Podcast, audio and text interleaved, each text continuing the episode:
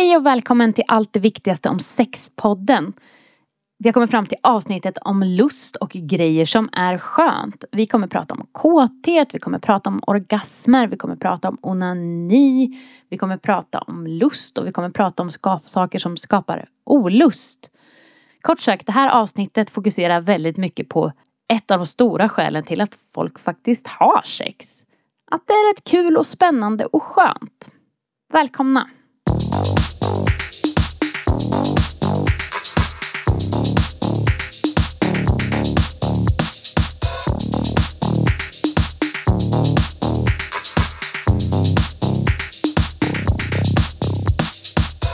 Hej, Hej. läget? Jo, det är bra. Jag känner att det känns lustfyllt att göra den här podden. Ja, härligt. Och som du ju kanske omedvetet nämnde nu. eller Helt kanske, omedvetet. helt omedvetet. Så handlar det här avsnittet om lust och kåthet och grejer som är skönt. Mm.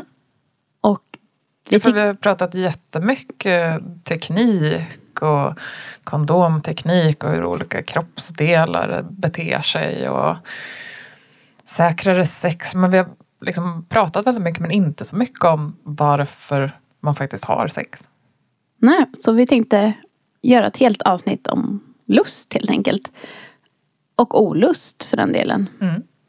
Jag tänker också att det är en sak som skolan kanske missar. De kanske fokuserar lite mer på vad vi har fokuserat på i några avsnitt.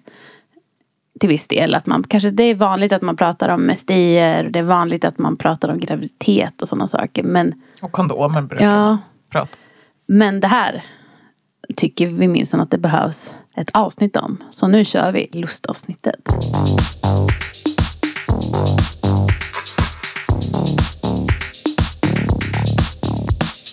Vad tänker du är liksom skälet till att folk är intresserade av sex? Jag tänker att det finns många olika skäl.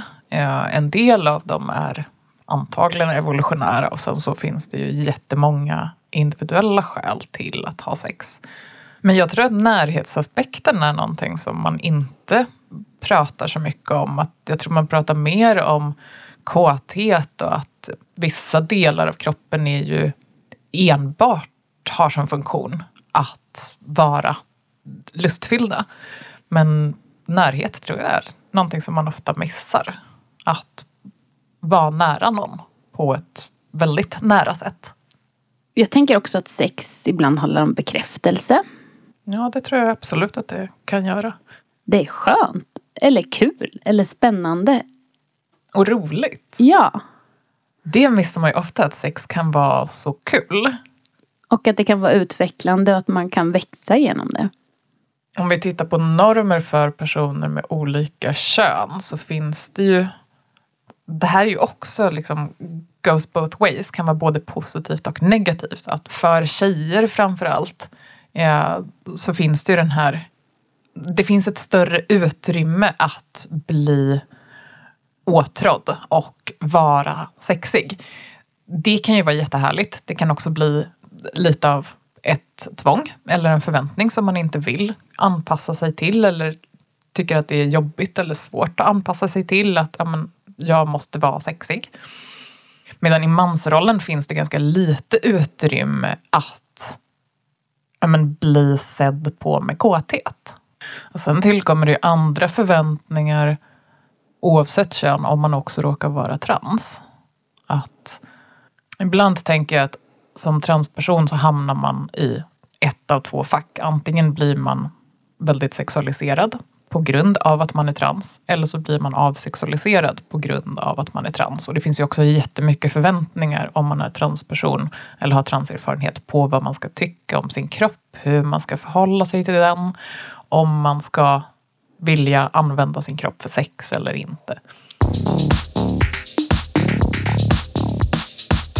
Jag tänker också, när vi har pratat ganska mycket om föreställningar, så tänker jag att vi ska ta itu med en ganska klassisk föreställning. Och det är ju den här om kåthet och kärlek. Att kärlek och kåthet skulle vara så väldigt sammanlänkande. Tänker du att det är så? För det första så tänker jag att där spelar ju också förväntningar beroende på kön in. Eh, att i tjejnormen så är det mer så att kåthet och kärlek förväntas hänga ihop.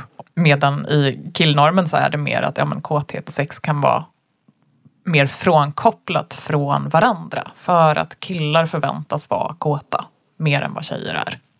Eh, men nej, det är ju inte så att kåthet och kärlek alls behöver hänga ihop. Att det där är ju väldigt individuellt. Och jag tänker att det också varierar för personer över tid. Hur mycket de här två hänger ihop.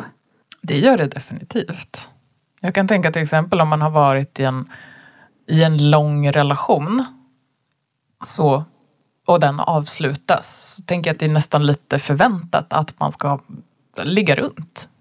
På samma sätt som det också förväntas att man ska ta ett steg tillbaka och vila och läka och göra den typen av saker. Att man inte ska hasta in i andra saker. Ja, framförallt att man inte ska hasta in i en romantisk relation. Mm. Nu ska vi prata lite kåthet. Och vi har varit inne på det här lite grann förut. Men jag tänker vi ska göra en djupdykning in i det här nu. Mm. Men kåthet, vart sitter den? Ja, men det är som vi sa i första avsnittet av den här podden, att kåthet sitter i hjärnan. Den börjar i hjärnan genom att hjärnan dels skickar ut signaler till kroppen eller till övriga kroppen och tolkar signaler som kommer från övriga. Och den kan ju Ibland är det inte så att hjärnan är den som hittar på utan att kroppen gör saker som att men Morgonståndet är väl ett jättebra exempel här. Att man vaknar och så här kroppen har gjort grejer under natten och man bara mm. Ja, eller man bara står och lutar sig mot torktumlaren och kollar mobilen och sen märker man att det börjar hända grejer. Och det är kanske, torktumlaren är ju ett jättebra exempel. För det är ju kanske en väldigt vardaglig och extremt osexuellt laddad situation för de flesta. Så det kan ju bli lite konstigt när man bara säger, men jag, nu börjar jag känna mig lite sugen här. Men det är ju helt enkelt kroppen som reagerar på yttre stimuli. Som hjärnan tolkar som, jaha, var vi här då? Man brukar lite grovt dela upp det i att det finns två huvudsakliga typer av kåthet. Dels spontan kåthet och så brukar man prata om responsiv kåthet. Och spontan kåthet är ju vad det låter som att kåtheten kommer spontant. Kanske som ett svar på att man ser en snygg person på andra sidan gatan och bara boom, den där personen skulle jag vilja ligga med för den var jättehet. Kåthet som kommer som ett svar på någonting. Då kanske det handlar om att man, man reagerar på en stämning eller man sitter nära någon och nuddar vid varandra eller man börjar kyssas eller ta på varandra och så kommer kåtheten som ett svar på det. Och det här kan man också till viss del koppla till hormonnivåer i kroppen. Hormoner är ju en del av det som styr och påverkar kåthet men långt ifrån hela. Men man kan ändå prata om att men hormoner kan ha en inverkan.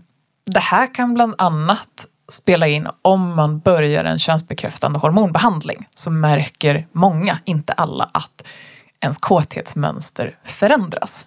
Och jag tänker ju att det här gäller även om man inte får hormoner av eh, sjukvården så kommer ju ens hormonnivåer gå upp och ner över livet. Och det kan påverka ens lust på samma sätt, eller hur? Mm, det kan det göra. Man kan ju se till exempel personer som har en menscykel som med en östrogencykel.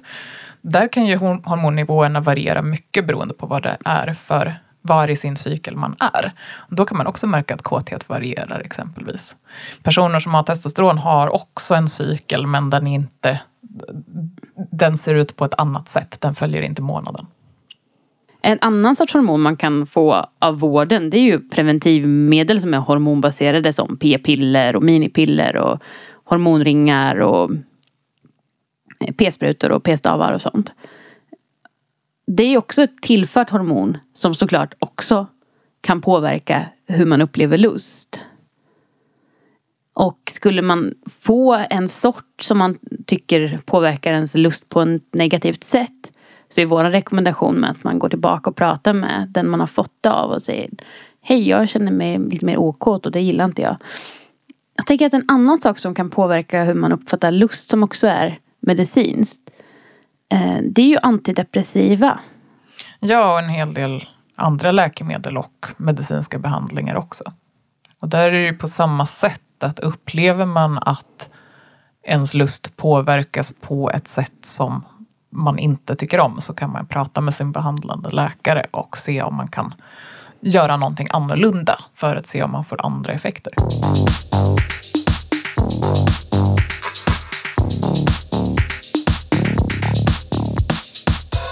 Det här med responsiv och spontan lust kan också spela in i om man har en relation med någon. Då är det ganska vanligt att om man precis har inlett en sexuell relation med någon så har det är vanligt att man har väldigt mycket spontan lust i början av en relation. Man blir kåta på varandra hela tiden i alla möjliga situationer exempelvis. Sen ser ju det här väldigt individuellt ut, men det är ganska vanligt att när man har haft den här sexuella relationen ett tag, att lusten övergår till att bli mer responsiv. Och då kan människor bli väldigt stressade också för att man upplever som, men varför tänder vi inte på varandra längre? Varför är det inte som det var i början? Igen, det behöver inte alls betyda att man inte tänder på varandra längre, utan bara att kåtheten har ändrat utseende lite grann och beter sig på ett lite annat sätt så att man kanske behöver göra andra saker än tidigare. Tidigare när man inte behövde göra så mycket utan den bara kom spontant. Men för att ta fram den helt enkelt.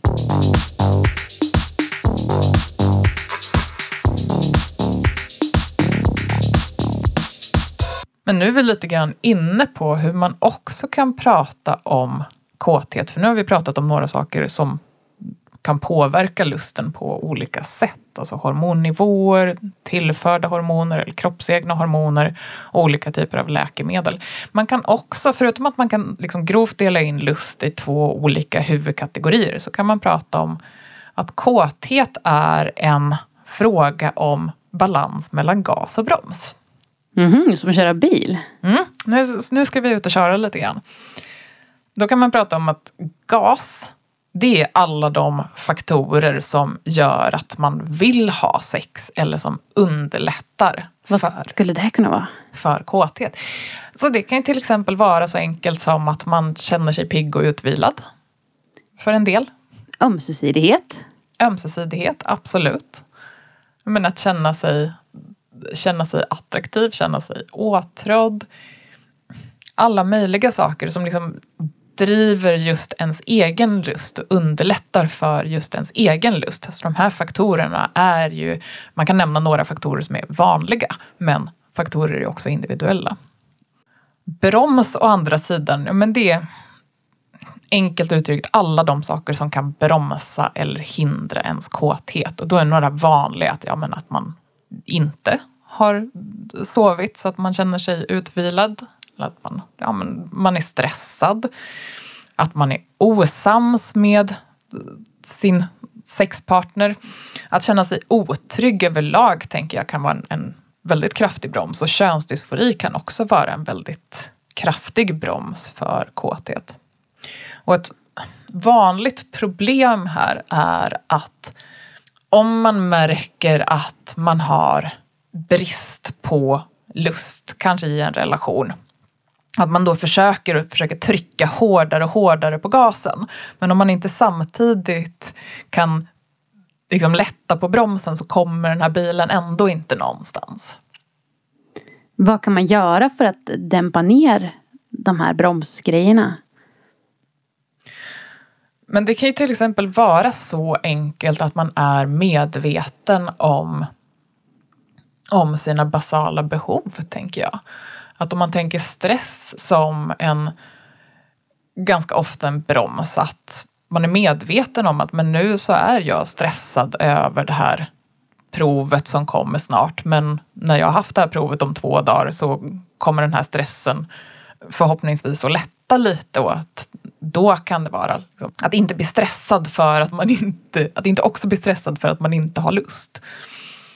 Vi har pratat jättemycket om säkrare sex och hej och hå. Och vi har varit inne lite grann på um, onani och att eller, ha sex med sig själv ganska många gånger. Ska vi prata lite mer om onani nu? Men det finns ju massa olika skäl till att ha sex med sig själv. Dels att det kanske är skönt, att det kanske eh, stresslindrar. Det kan hjälpa mot mensvärk om man har mensvärk. Det kanske bara är ett sätt att skapa mer fokus på. Kanske kan mysigt. Det kan vara lättare att somna. Alltså man brukar ju prata om att ja, men onani är ett sätt att ta reda på vad man själv gillar. Och det är det ju, men jag tänker att det är viktigt att man inte tänker att onani behöver vara förberedelse för, nu gör jag igen jättestora citattecken, riktigt sex. Alltså sex tillsammans med någon eller några, utan onani är ju en sexpraktik i och för sig själv. Att det är ju inte på något sätt mindre riktigt sex än sex med partner. Det är sant. Um, du var lite inne på att onani kan vara ett bra sätt att ta reda på vad man, vad man gillar för någonting. Och uh, så är det ju. Det är ju svårt att tala om för någon annan eh, lite hårdare, lite mer om man inte vet hur ens kropp svarar på olika saker. Ja, absolut. Men sen tänker jag också att det man gillar när man tar på sig själv, det kan ju också vara skilt från hur man gillar att någon annan tar på en. Ibland så, ja men ibland vill man att någon tar på en på samma sätt som man gör på sig själv. Man kanske har hittat så här, men det här är det sätt som funkar för mig. Men det kan också så kännas väldigt annorlunda när någon annan gör det på en. Men ja, absolut, det är ju ett sätt att ta reda på vad man, vad man gillar för någonting. Och apropå sätt att ta reda på vad man gillar för någonting. En sån grej som också ofta är inblandad i onani och kan också vara inblandad när man har sex tillsammans är ju fantasi. Apropå det här att hjärnan också är kroppens viktigaste sexorgan. Ja. Fantasier är ju också sätt som man kan använda för att ta reda på vad man själv tänder på. Att man kanske tänker på någonting som man skulle vilja göra själv eller tillsammans med någon annan. Man kan också fantisera om saker man har gjort själv eller tillsammans med någon annan. Men det är ju också vanligt, det pratar man inte så mycket om, men det är också vanligt att man fantiserar om saker som man inte vill uppleva i verkligheten. Att en del saker kanske gör sig bäst som fantasi. Det är ju helt okej okay att fantisera och tända på det man tänder på. Men är det så att ens fantasier går ut över andra eller man känner att det blir jobbigt eller att det upptar mycket av ens tid och energi. Då kanske man behöver få hjälp med, med det så att man kan hålla sina fantasier på en nivå där de är det de ska vara, det vill säga njutningsfulla. Och eh, ens fantasier är ju ens fantasier.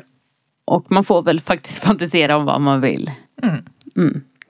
Men också, det finns ju en miljard olika sätt att onanera på. Det bör ju finnas ungefär lika många sätt att onanera på som det finns människor som onanerar.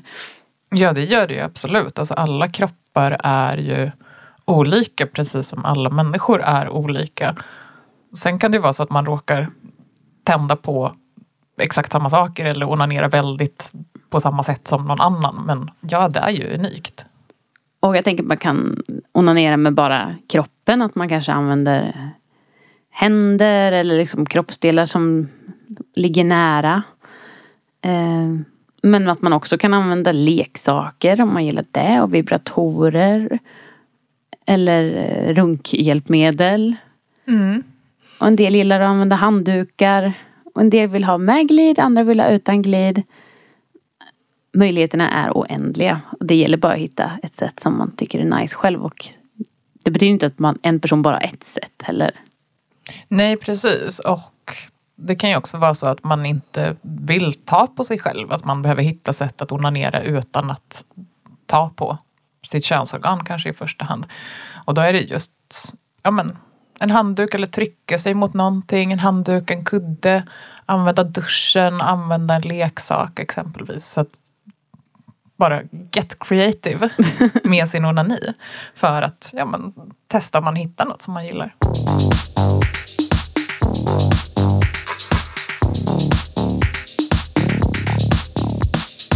Ja, men nu har vi pratat jättemycket om sex med andra personer. Vi har pratat jättemycket om kroppen. Vi har pratat om ömsesidighet. Vi har pratat om onani. Vi har pratat om lust. Så en sak som allt det här potentiellt sett kan leda till är ju orgasmer eller att komma. Och som vi sa i kroppavsnittet så är ju utlösning och orgasm inte samma sak. Så jag tänkte att vi ska gå in lite mer på vad en orgasm är. Ja, för utlösning pratade vi om bara, men vad är orgasm? Mm, exakt. Väldigt förenklat så är ju när man bygger upp sexuell spänning så spänner man musklerna i underlivet, i bäckenbottenregionen. Runt om. Även ben och sånt kan spännas. Orgasmen är helt enkelt när man når piken på den här muskelspänningen och man slappnar av. Och det kan kännas jätte, jätte olika. Det kan kännas allt från ett litet pirr till stora vågor. Och det är också olika för olika personer vid olika tillfällen. Hur det känns. Men det är egentligen en kramp som släpper. En avslappning. Så en orgasm består av flera sådana här avslappningar.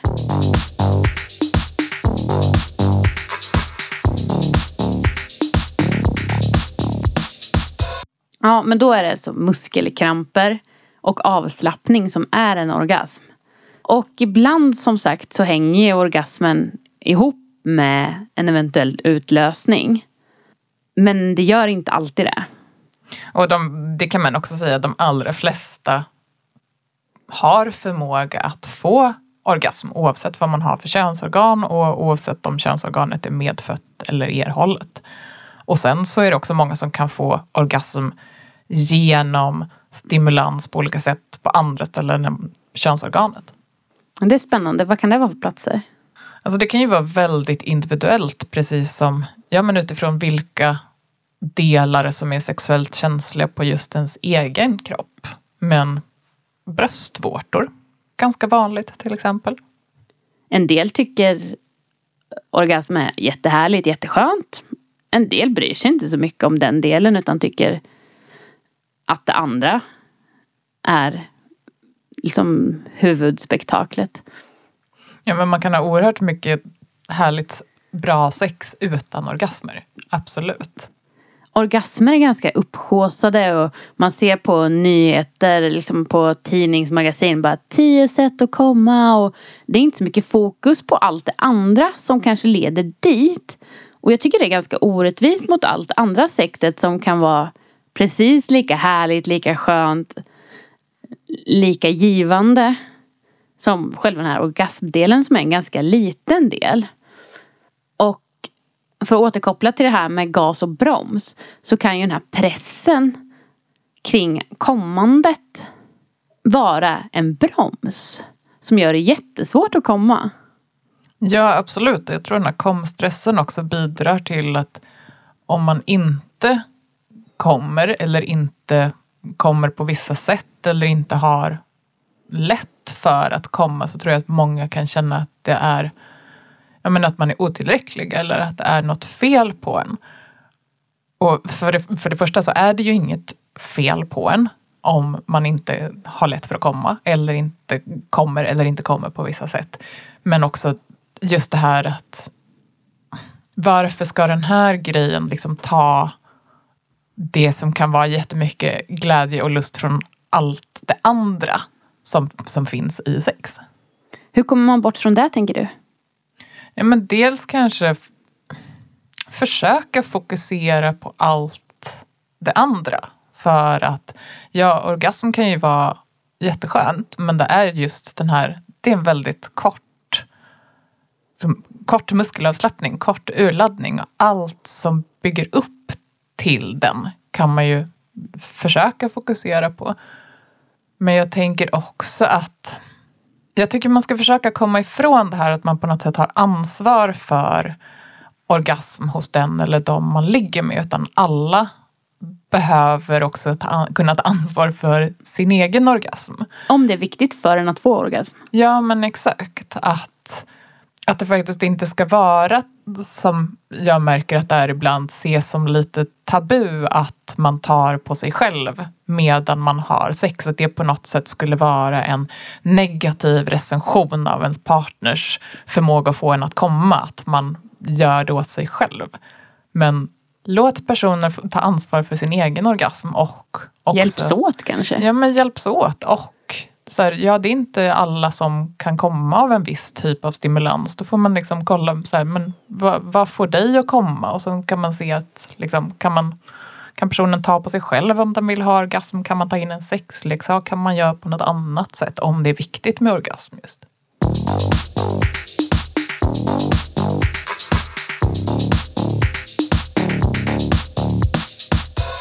En var ganska vanlig fråga vi får till sexmailen handlar om blue balls och det är ju lite kopplat till det här med att komma. Det är ganska mycket kopplat till att komma. Och blue balls är ett tillstånd som uppstår när en person som har testiklar har varit sexuellt upphetsad under en längre stund men inte kommit. Då kan det uppstå en smärta. Det är inte särskilt skönt men testiklarna blir inte blå, inte blåare än vanligt. Ja, och det är ju inte bara personer med testiklar som kan känna en smärta av att vara sexuellt upphetsad under en längre tid utan att komma. Och lösningen på det här är ju antingen att komma eller att dämpa den sexuella upphetsningen. Det är dags att tänka på is och fotboll. Men det är inte farligt att vara upphetsad länge utan att komma i alla fall. Nej, det är det inte. Och det är inte farligt att inte komma överhuvudtaget. Om det skulle vara farligt så skulle kroppen se till att lösa det. Det är såklart. Kroppen är ju fiffig på så sätt. Och en fråga som är kopplad till det är ju också hur ofta man måste komma för att inte utlösning ska bli gammalt. Och utlösning produceras ny hela tiden. Och kommer man inte, eller så här, får man inte utlösning under en viss period så kommer kroppen lösa det på egen hand. Så det behöver man faktiskt inte oroa sig för.